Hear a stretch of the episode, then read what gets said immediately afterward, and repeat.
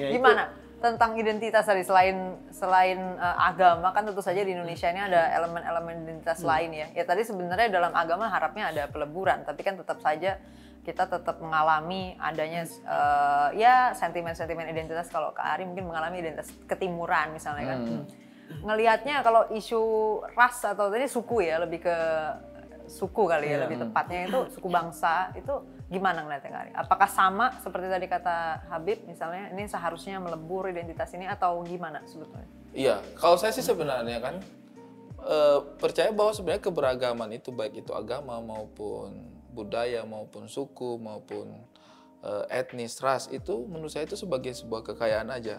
Kita mungkin mau melebur itu eh, dalam konteks misalnya kebangsaan misalnya kita melebur menjadi satu. Tetapi di sisi lain kan bineka tunggal ika itu kan tidak hanya membicarakan ketunggalan dan ikanya aja, tetapi juga membicarakan tentang binekanya. Sehingga menurut saya keberagaman ini yang harusnya menjadi pedomannya kita gitu. Selama kita bisa menghargai kebinekaan ini, ada yang beragama Islam, ada yang beragama Kristen, ada yang sukunya Jawa, Kalimantan, Sulawesi, Sumatera, Papua, Bali dan lain sebagainya. Menurut saya tidak ada masalah gitu. Yang menyulitkan itu adalah ketika kemudian ada perlakuan-perlakuan yang mungkin mengarah tidak adil. Misalnya nih, kalau menurut saya ya, sambutan masyarakat umum terhadap konteks pindah agama. Kalau pindah agamanya itu dari agama-agama minoritas ke mayoritas, sambutannya Oh, dilihat sebagai sebuah kebaikan. Hidayah. Alhamdulillah. Dapat hidayah. Diceritakan bagaimana eh, me- bagaimana Iya, iya. eh, prosesnya Proses sampai bisa ya. ini. Tapi ketika yang pindah ini adalah dari agama yang mayoritas ke agama yang lain, di bahkan even dikriminalisasi itu loh kayak kenapa sih harus sampai Iya, segitunya? sampai mau gitu. digugat kan tadi yang mempengaruhi segala macam. Iya. Nah itu menurut saya men- menjadikan kita tidak adil terhadap identitas yang satu dengan identitas yang lain. Ya. Ini yang baru-baru saja kita rasakan, kita lihat sama-sama. Kalau dalam konteks kesukuan pun juga itu menurut saya keberagaman tidak masalah. Saya tidak pernah masalah dengan orang Jawa misalnya gitu. Bagi saya orang Jawa adalah orang yang sangat luar biasa. Saya bahkan mempelajari bahasa mereka gitu, bahasa teman-teman dari Jawa, budaya Jawa. Dan saya sangat suka gitu. Bahkan pewayangan misalnya gitu itu menarik sekali menurut saya. Saya jadi suka tokoh-tokohnya dan penggambaran karakternya. Ya, meleburkan Iya. identitas tuh emang visi agama. Dan tidak dan tidak membuat saya menjadi rendah gitu kayak saya orang timur nih, orang Jawa keren banget ya. Tidak juga gitu. Atau juga tidak merasa tinggi kayak saya orang timur, ala orang Jawa itu bisanya begini. Nggak bisa seperti itu.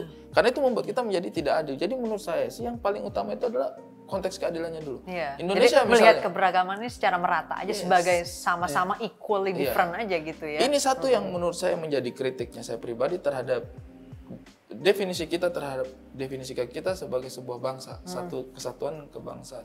Indonesia itu sering menyatakan kita itu bangsa yang serumpun dengan Melayu, Oh, iya, Malaysia. Malaysia. Iya kan? Ya. Yang serumpun dengan Malaysia, Melayu. Iya. Tapi kan istilah bangsa Indonesia serumpun dengan Malaysia, bangsa Indonesia serumpun dengan Mela- Melayu. Ini kan sebenarnya sedang tidak adil terhadap ras Melanesia. Hmm. Karena mereka tidak serumpun sebenarnya dengan Melayu gitu. Atau Austronesia ya. Austronesia, kita serumpunnya mungkin dengan Fiji, Vanuatu. Iya, iya, betul. Iya kan Ya, dengan New betul, Zealand. Sehingga ketika kemudian istilah ini yang kemudian digambar-gemborkan, ya secara tidak langsung identitas kita terpinggirkan dong. Ya. Oh jadi kita di sini di Indonesia ini Bukan termasuk Indonesia ini kita ya. Indonesia gitu. Karena kita bukan karena tidak serumpun dengan ya, Melayu. bukan Halo. Melayu. Jadi ini yang menurut saya harus dikoreksi ke depannya. Ketika kita merasa serumpun dengan Melayu, merasa serumpunlah dengan Fiji juga. Ya, ya. Merasa serumpunlah dengan Vanuatu juga. Saya pikir itu yang akan menjembatani kesadaran kita untuk meleburkan kembali lagi meleburkan itu. Ya. Bagaimana identitas-identitas ini melebur sementara definisi kita masih belum pada tempatnya, Ya, belum ya. menempatkan keadilan ter- Ya. kepada Ya. kita melebur itu kan karena sudah adil gitu. Iya. Kalau misalnya dalam satu rumah saja ada yang diperlakukan tidak adil, mana mau dia Hmm. nyatu sama keluarganya. Tapi kalau merasa oh iya Hmm. kakaknya saya dibelikan baju, saya juga dibelikan baju, Ya, itu pasti ya, akan ya. melebur menjadi satu. Dalam identitas satuan agama gitu. juga soalnya kan sering kali Indonesia ini diperkenalkan sebagai bangsa mayoritas Islam kayak gitu ya. Mungkin juga teman-teman minoritas juga tidak mendapatkan tempat gitu ya dalam uh, introduction ini uh, nama Indonesia gitu ya. Dan apa? Iya, gue tadi bilang bahwa em, meleburkan identitas itu adalah visi agama. Hmm. Misalnya Nabi itu eh, sangat hormat eh, berdiri ketika jenazah Yahudi dibawa. Kemudian sahabat nanya, itu orang Yahudi Nabi. Kemudian kata Nabi, bukankah dia manusia? Hmm. Artinya ya semua manusia dapat penghormatan dalam Islam. Bahkan kalau dalam uh, uh, penjelasan yang lebih serius gini, kalau Anda mendiskriminasi berdasarkan identitas-identitas itu, itu secara teologis akan sangat bermasalah. Artinya gini, Islam itu mengajarkan bahwa semua hal yang ada di muka bumi ini, apa pun itu, itu adalah manifestasi Tuhan. Sehingga di dalamnya dia adalah manifestasi Tuhan. Kita bisa mengenal Tuhan dari melihat semua ciptaannya, lintas agama, lintas suku dan lain sebagainya. Jadi kalau kemudian ada diskriminasi terhadap salah satu manifestasi Tuhan, maka itu akan uh, akan mengurangi lah Iya. ilmu yang bisa kita dapatkan tentang Tuhan. Hmm. Karena karena itu di Quran dikatakan bahwa kita perbedaan itu Allah ciptakan memang Hmm, hmm. dan untuk saling belajar, saling mengenal. Karena ketika kita saling belajar, saling mengenal, maka kemudian manifestasi Tuhan yang tercecer di mana-mana Hmm. itu utuh kemudian masuk ke kepala kita sehingga akan menunjang misalnya keimanan kita tentunya selain Ya. itu juga tentang kemanusiaan. Bib, saya boleh tanya sedikit.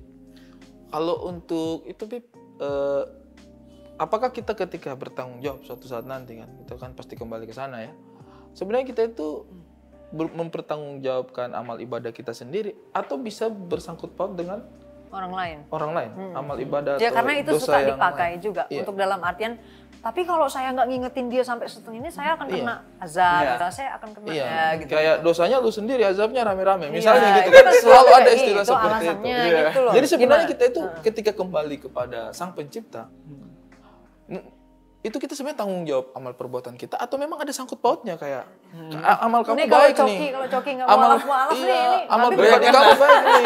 Tapi itu itu itu apa yang apa sebenarnya sebenarnya bagaimana konsep Iya, berpikir itu karena kalau misalnya katakanlah bencana, kadang-kadang orang mengaitkan ah. bencana dengan eh, perbuatan-perbuatan dosa di suatu tempat tertentu. Padahal menurut saya, ya misalnya kita meninggal karena bencana, ya itu emang cuma jalannya aja kita kembali ke sana. Sampai ke sana kita bertanggung jawabnya seperti apa, itu yang menjadi catatannya kita. Saya pikir sih hanya karena orang mati karena bencana, bukan berarti kemudian dia tidak tidak bisa kembali dengan baik gitu kan. Kalau menurut pemahaman saya, sepanjang amal ibadahnya eh, mungkin baik di muka bumi itu hanya caranya aja. Jadi maksudnya ya kalau bencana kita mau salahin sama orang yang berbuat dosa, ya mungkin sebenarnya itu caranya orang-orang baik ini supaya tidak berbuat dosa dan kemudian kembali pada pada saat yang sudah Ya. ditentukan. Ya. Tapi itu balik lagi, kita bertanggung jawab itu bagaimana, bis? Sebenarnya eh, misalnya kalau kita mengutip perkataannya Sayyidina Ali, kalian ini diciptakan merdeka, maka jangan mau jadi budak siapa pun.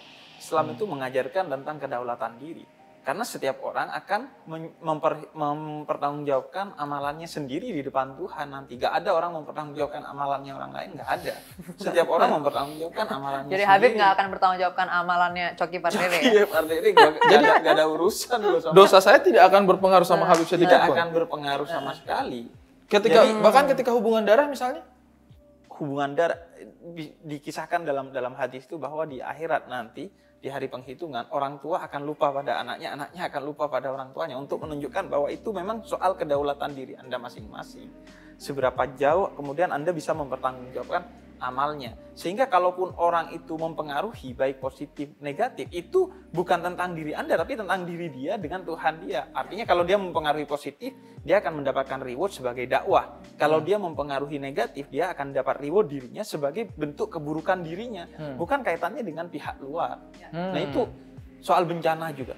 Ada bencana, bencana itu kan sifatnya ekologis pasti. Hmm. Tapi kemudian orang bicaranya teologis solusinya. Bencananya ekologis, bicara solusinya teologis atau sebabnya dianggap teologis. Ya enggak, kalau ada bencana, misalnya Islam juga mengajarkan berarti lo buang sampah sembarangan gitu, ada masalah ekologis diselesaikan secara juga ekologis, bukan Ya. dengan meningkatkan iman dan takwa. Enggak nyambung. Beda lagi itu masalah ceritanya. ekologis diselesaikan Ya, secara ya. ekologis tidak teologis. Oke. Nah, itu yang Ya. menurut gua kita yang salah gitu. Kita menganggap umat Islam di Indonesia ini sedang overdosis agama. Padahal menurut gua bukan overdosis agama, minus agama. Sedang minus karena pola keberagamaan kita itu hanya pola keberislaman. Kita menyebut Islam lah secara spesifik kan gua. Pola keberislaman kita itu pola keberislaman yang satu persen atau mentok 10 persen. Logikanya gini, karena Islamnya kita itu sekarang yang digembar-gemborkan adalah Islam hukum. Hmm. Kerjanya cuma hukum aja, ritual aja. Wah, Ya, haji syariat itu ya? 230 ribu Ya. per tahun. Iya. Sholat sholat berjamaah itu kalau dulu di zaman gua cuman maghrib. Sekarang subuh di Jakarta orang sibuk-sibuknya sholat berjamaah. Artinya itu sesuatu yang positif tentu. Tapi kemudian yang menjadi pertanyaan kenapa ini tidak berefek bagi peradaban bangsa misalnya, Heeh. atau peradaban umat Islam? Kenapa kesejahteraan umat Islam nggak semakin berkembang? Iya, kenapa ya? Iya, tidak berefek karena memang hanya hukum ansi. Hukum ansi. Jadi hukum padahal hukum itu adalah pembelajaran dalam Islam. Anda di- disuruh sholat agar Anda belajar untuk tidak berlaku buruk kepada orang lain. Inna sholat tanha anil fahsya'i wal munkar misalnya kalau dalam dalam ayatnya. Anda diajari haji untuk Anda tahu ketika ihram itu Anda suruh ganti baju putih yang udah gak ada nih pangkat udah gak ada yang kaya supreme buka supremnya ganti baju putih. Identitas identitas itu gak ada di depan Tuhan. Sehingga ketika pulang kita akan bersikap menjadi pribadi yang sangat adil misalnya nah iya. ini enggak ini patah haji ya haji doang Iya, iya. pulangnya dapat apa dapat gelar haji gak dapat yang lain Buka- Bahkan, bahkan bukan menjadi menyerata- privilege juga Privilege. malahan. justru menjadi membangunkan ego iya, kan betul, betul. Jadi- Kalau bisa tiap tahun pergi itu untuk menunjukkan, gitu di Menunjukkan. sosial media bahwa Padahal saya mampu begitu Anda haji kedua tahun. kalinya, kalau menurut gua, begitu Anda haji kedua kalinya, kalau dalam konteks Indonesia, itu sudah bisa disebut kezaliman. Karena Anda mengambil jatah orang yang nunggu belasan tahun. Nah itu, hukum itu kalau dalam Quran, ayat-ayat yang berbicara hukum itu hanya 10%. 90% bicara tentang membangun peradaban dengan dengan etika dan lain sebagainya. Nah, umat Islam sekarang itu overdosis di bidang hukum aja. Minus dalam agama secara holistik. Berarti untuk yang 10% lupa yang 90%-nya. Boleh 90%. dikasih. Jadi Tapi itu- akhirnya semakin kita beribadah, Hmm. itu Malah semakin malah semakin ego. Hmm. Misalnya semakin kita beribadah merasa diri paling benar sehingga bisa mempersekusi orang lain, bisa membuli orang lain, bisa menyatakan orang lain salah, eh, mungkar dan lain sebagainya. Padahal ibadah itu pelajaran untuk kita makin rendah hati gitu, makin oh ternyata samudera ilmu Tuhan itu luas. Jadi mungkin aja kebenaran itu ada di mana-mana. Bukan mungkin ya pastilah setiap kebenaran itu ada di mana-mana. Iya, iya, iya. Betul, betul, betul. Tapi yang tadi tuh yang yang yang saya mau garis bawahi ya kan yang berarti eh karena itu menurut saya penting gitu karena mungkin ada ketakutan. Artinya Bib, kalau besok saya punya anak eh misalnya memilih untuk pindah agama, Iya. kan orang kadang-kadang bagaimana iya. kamu kalau anakmu pindah agama ya kan? Karena itu yang terjadi sekarang. Apakah kita merasa Kebetulan dosa, gitu? bapaknya kan akan menggugat lah, melapor, mengejar sampai kayak gitu kan. Tidak akan sebenarnya tidak akan ada dampaknya kepada bapaknya. Enggak. ya? Tidak ada dampak apa-apa. Insya Allah gitu. Maksudnya ya bapaknya akan menghadapi perhitungannya sendiri gitu. perhitungannya sendiri. Bahkan ayat yang tadi gue bacakan di awal itu la ikrah din, konteksnya itu. Jadi eh, tentang orang tua dan anak yang Saling melupakan satu sama pindah-pindah agama. Kata Nabi gak ada paksaan dalam agama. Jadi orang tua ya hanya mempengaruhi di tingkat eh, ajaran bahwa ajaran menurut gue yang benar ini. Yang penting udah disampaikan Ah, gitu ya. Justru yang menjadi tua. agama salah satu problem agama menjadi minus di sini menurut gua salah satunya karena agama itu diwariskan di sini, nggak diajarkan. Hmm. Jadi lo lahir di eh, rahim orang Islam, lo otomatis jadi orang Islam karena ngikuti orang tuanya, bukan karena belajar pada orang tuanya. Iya, iya. Misalnya berapa banyak sih orang tua yang ketika anaknya nanya Tuhan itu di mana? Kemudian jelaskan bahwa Tuhan itu begini karena enggak Tuhan di mana? Udah lo jangan nanya Tuhan deh. Lo belajar yang bener deh kan? Nggak ada Hmm. Misalnya, iya, diskusi. kalau gue misalnya tradisi gue gue kecil orang tua gue itu membuka setiap sore minimal sore dan subuh. Itu duduk di depan rumah sama kopinya dan kemudian ngajak diskusi tentang agama karena orang tua gue kemudian kebetulan kecenderungan keberagamannya sangat tinggi itu diajak diskusi dan dikasih pertanyaan-pertanyaan yang yang seperti yang kita diskusikan itu yang nyeleneh Ini nyeleneh apa sih? Ini apa sih? Gitu. Iya, sehingga gue semakin hari semakin merasa, oh enggak belum beriman nih, masih bego Iya, nih. iya. Enggak pernah diajari untuk merasa, oh sudah mantap imanmu karena anda lahir dari rahim seorang Arab, maka Islam anda kafah. Iya, Menurut gue, gue merasa lebih kafah ketika Kania manggil gue Habib. Makin merasa absolutnya itu ya. Kalau yang Muslim manggil Habib ya masih biasa lah. Kania manggil gue Habib. Alhamdulillah ada ya. ada apa ya namanya? Kayak ada hidayah-hidayah yang masuk. Ya, ternyata Muslim juga selalu bilang gitu. Katanya kalau kalau misalnya saya kasih ceramah Islam, kasih kutipan-kutipan ayat, kalau ke Coki itu biasa aja. Tapi kalau ke Kania, nah itu baru ada saya merasa. pendekatannya kayak eh, wow-nya sedikit kerasa ya. ada perasaan lebih. Tapi artinya berarti memang kalau menyimak apa yang tadi Habib sampaikan ya kalau menurut saya sih memang harusnya kita lebih apa ya lebih rileks saja menyikapi fenomena Enjoy pindah itu. agama yang tadi Iya, itu. iya. Jangankan ibaratnya kita orang lain yang tidak tahu menahu tentang orang itu gitu.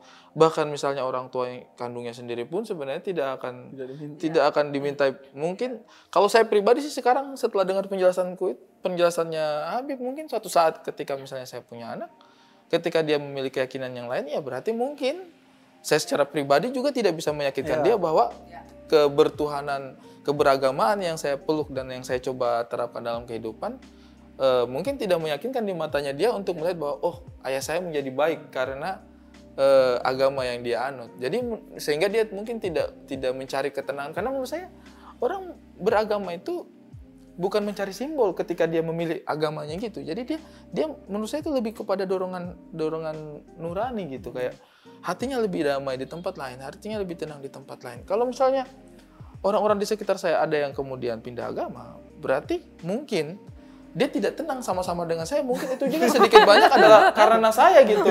Bukan salah dia, saya tidak boleh marah sama Iya, dia. Ya saya harus koreksi diri kayak mungkin saya nggak sebaik itu jadi manusia sehingga dia tidak percaya bahwa eh, agama bisa membuat kita menjadi baik gitu. Ka- Karena kan yang saya percaya bahwa agama itu disebarkan eh, melalui sikapnya kita, dengan keteladanan, dan dengan- keteladanan. dengan akhlak. Benar. Jadi orang itu rata-rata masuk Islam itu bukan karena Nabi kemudian wah argumennya begini begini rata-rata. Ada sebagian yang iya. Apalagi Generasi. sampai persekusi gitu, bukan ya? Iya, bukan Nabi mempersekusi. Itu, itu sama sekali enggak. Jadi eh, yang pakai ada sih beberapa generasi misalnya Salman Farisi itu pakai pendekatan rasional. Tapi rata-rata sahabat itu kan sahabat juga kan bukan semuanya kemudian generasi intelektual kan enggak. Rata-rata sahabat itu karena melihat Nabi. Ini orang kok baik banget ya. Uang eh, satu dirham misalnya nggak nggak diambil padahal kalaupun diambil gua gak masalah terus eh, di- dibenci membalas dengan cinta wah ini orang kok baik banget kemudian orang akan bertanya apa nilai-nilai yang ada pada dirinya oh nilai-nilainya adalah Islam, maka Islam. kemudian dia masuk kepada. Islam. Oh, ternyata. makanya rata-rata musuhnya itu mau ngebunuh membenci dibalas dengan cinta baru dia heran. "Ah, ini orang apaan sih? Kok baik banget? Lu belajar apa sih? Kata Iya, kata, iya, kata iya. kira-kira lu belajar apa sih? Ini Islam, ada ini, Quran ini. nah baru tertarik. Karena karena karena ya karena akhlak itu.